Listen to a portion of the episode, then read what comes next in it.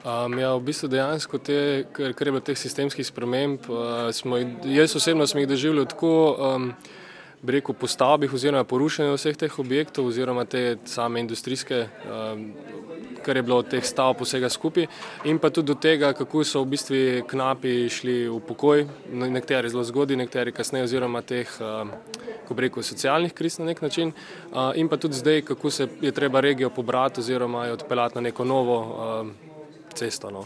Tako da um, po eni strani uh, sem izkoristil to, to priložnost, po drugi strani pa je tako tudi težko to gledati. Ne. Prebral sem na vaši spletni strani, da ste si s kamerati želeli sami uh, prigarati tisto prvo pivo, se lotili varjenja, seveda, ampak je bila želja po tisti večji uh, vsebnosti alkohola za začetek malce prevelika.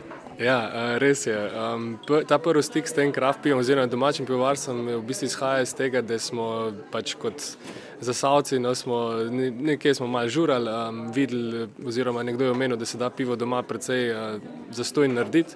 Uh, to je bil ta povod glavni, da smo se lotili tega, na prek spleta naročili ta prvi kit.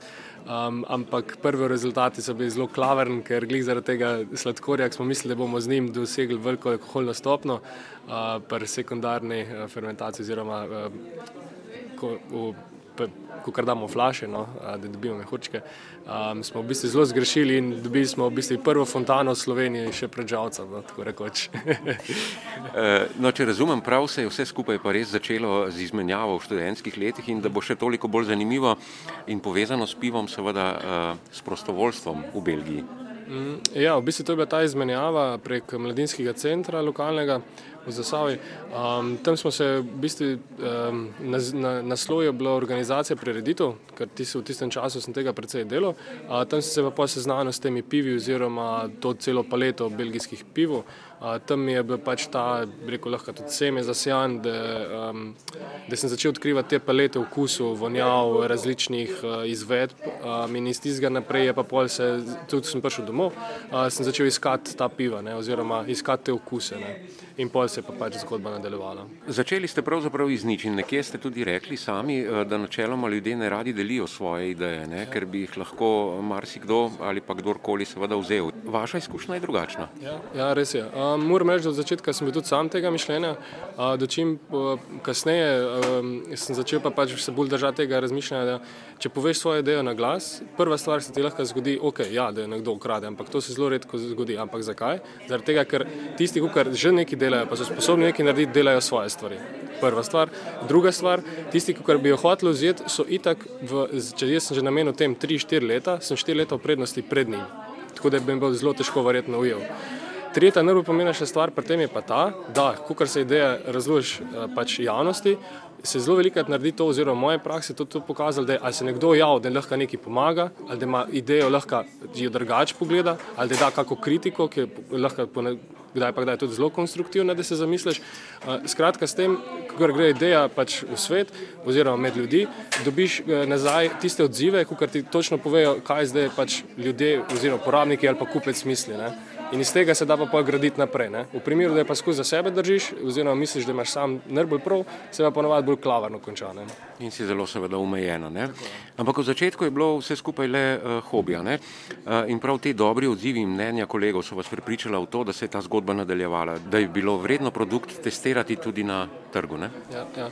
Um, najprej, um, v bistvu, začetka, ko smo s kolegom vrili skupaj v garaž, uh, smo čisto za sebe od začetka, pol kasneje se nam je čisto na ključno pridružil enkrat sosed. Potem sem pa videl to priložnost, da bi to lahko zapeljal v blog, v odzive uporabnikov oziroma pač potencijalnih kupcev in pol iz tega naredil nov, novo rubriko. Na ta način sem pa dobil uslugo, da so pač kolegi so spoznali pivo, nama dali odzive in pa tudi vsebino na blogu. Ne. Pač s slikami, z kratkim zapisom in je bilo v bistvu roka roko umijeno. Na začetku smo omenjali zgodbo eh, knapov eh, in tako naprej. Kako pomembna za uspeh produkta eh, na trgu je pravzaprav ta prepletenost izdelka z vsebino, z zgodbo, ki jo ponuja in seveda izdelkom samim? Moram reči, da pred to idejo sem bil kar trdno prepričan, da je zgodba tisti glavni nosilc vsega. Um, oziroma je, je tisto bistvo, da preden se gre na trg. Po, po teh izkušnjah, oziroma po teh treh letih, zdaj pa lahko rečem, da je na koncu, ko se potegne črta, moraš pilati vse. kaj zdaj je to vse, to pomeni od cene, od zgodbe, od uh, grafične podobe, od logistike, od mislim, na koncu dneva pač, če ne špila cela enačba, pač je pa tudi zgodba, ja, je pomembna, da naredi tisto mogoče glavno nijanso, glavno razliko, ampak ko ta zgodba najprej prime, je treba od zadnje imeti poskrbljeno pač za vse kompletne, od kakovosti cene. Kaj pa finančno? Tukaj je vendarle treba na noge postaviti proizvodnjo, če rečem tako, se posvetiti promociji, eh, izdelek testirati in tako naprej. In tako naprej. Skratka, stroški eh, lahko marsikoga odvrnejo ne, eh, od ideje. Kako ste sami se lotili tega procesa? Ja, jaz sem imel dve pretekle izkušnje, od katera ene sem se kar bi lahko rekel za investiral. Um, iz tega ven sem začel iskati druge načine oziroma kako potestirati brez, da, se, se da ogromna vsota denarja v sam produkt. Uh, iz tega ven sem najdel uh, vidko štartanje, v Sloveniji je tudi dosegljiva knjiga ali pa lean metodologija, katere se držim še danes. Uh, konkretno to pomeni, da nimam še lastne proizvodne, jo planiramo oziroma upam, da nam v letošnjem letu rata uh, jo postaviti. S tem smo dobili potrditev trga oziroma uh, nakupe oziroma en, pač ekonomiko v zadnji, uh, se gre v investicijo. Ne.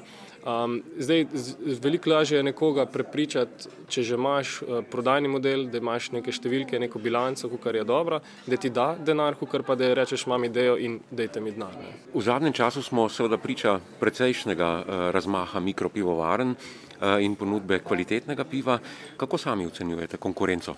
Um, jaz sem zmeraj vesel konkurence, zato, ker najprej zato, ker um, se proba veliko, veliko pira, zaradi tega sem tudi sam začel pivo delati. Um, drugo, zato, ker uh, več, več kot je uh, kvantitete, večja kvaliteta se naredi. Ne? Um, in tako, kar je trenutno tudi v, so trendi v Ameriki ali pa v Evropi, uh, bo ta balon tudi enkrat počel, to je dejstvo. Uh, v Sloveniji, po mojem, da še nismo na tem maksimumu, no? um, počasi verjetno, da prehajamo k tem, po zadnjih številkih ne bi bilo nekih 70 ali 80 celo že um, mikropivovarjev.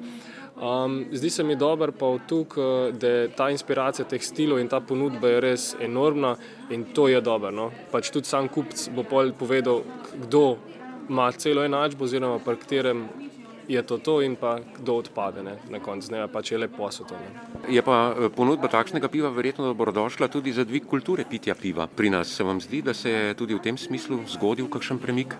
Vsekakor. Eh, tukaj treba omeniti kar nekaj fantov eh, po Sloveniji oziroma združen portalov, ki na tem res intenzivno delajo. Tukaj lahko govorimo od samega tega, tega izkustva piva, da je raj pri kozarcu piva. Um, se doživi tisto pravo doživetje od tega, kako se ga pravilno povonja, kako se ga pravilno degustira, se, na kakšni temperaturi se mora piti, kako ocenjujemo pivo in tako naprej. De, in tudi eh, lahko rečem, da se opaža v gostilnih ta trend, da ni več tistega. Eh, Rekel, popivanja, nalivanja, ampak bolj ta um, okušanje oziroma poizkušanje raznovrstnih piv. Tako da uh, v zadnjih dveh letih je bilo že veliko narejenega, pa verjamem, da se bo tudi še veliko na tem uh, spremenilo. Ste med drugim tudi mentor podjetniškega ustvarjalnika za dijake, eh, tudi ambasador Evropskega programa Erasmus. Kako pomembna je za mlade eh, podjetniška to vrstna pomoč, bodi si v obliki nasveta, ustrezne informacije ali pa zgolj neke motivacije eh, za uspeh v nadaljni poti? Uh, vsekakor, jaz to zmeren, to, na take vprašanje odgovorim, da če bi jaz imel pri teh letih, v kar mi preko stvarjalnika recimo um, devamo pomoč, podporo iz, na svete, uh, delimo izkušnje, uh, takrat preseb uh, ta znanje ali pa to, to, to podporo bi bil verjetno danes na nekem drugem mestu. Ne?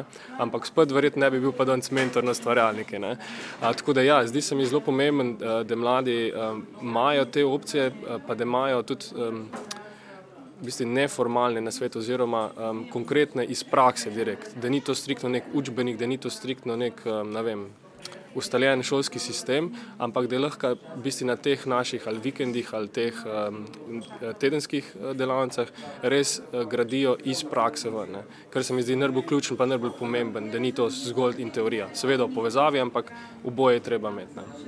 Rene Vozel, mogoče za konec še, kakšne so vaše želje, cilji za naprej? Um, ja, um, tale proizvodnja jo že obljubljam in napovedujem kar en lep čas. Um, upam, da, nam, da mi letošnjem leti uh, resnično rata to postaviti in zagnati v zasavje. Uh, zatem pa vsekakor, oziroma če zdaj bolj se mi riše um, zgodba s turizmom. Um, v naši regiji je res ena tak uh, skrit, skrit uh, bom rekel, skrit, uh, skrita ruda, ki je še, ki je niti Slovenija, niti Evropa verjetno še ni do dobro spoznala in upam, da tudi v tej smeri nekaj premaknemo. No.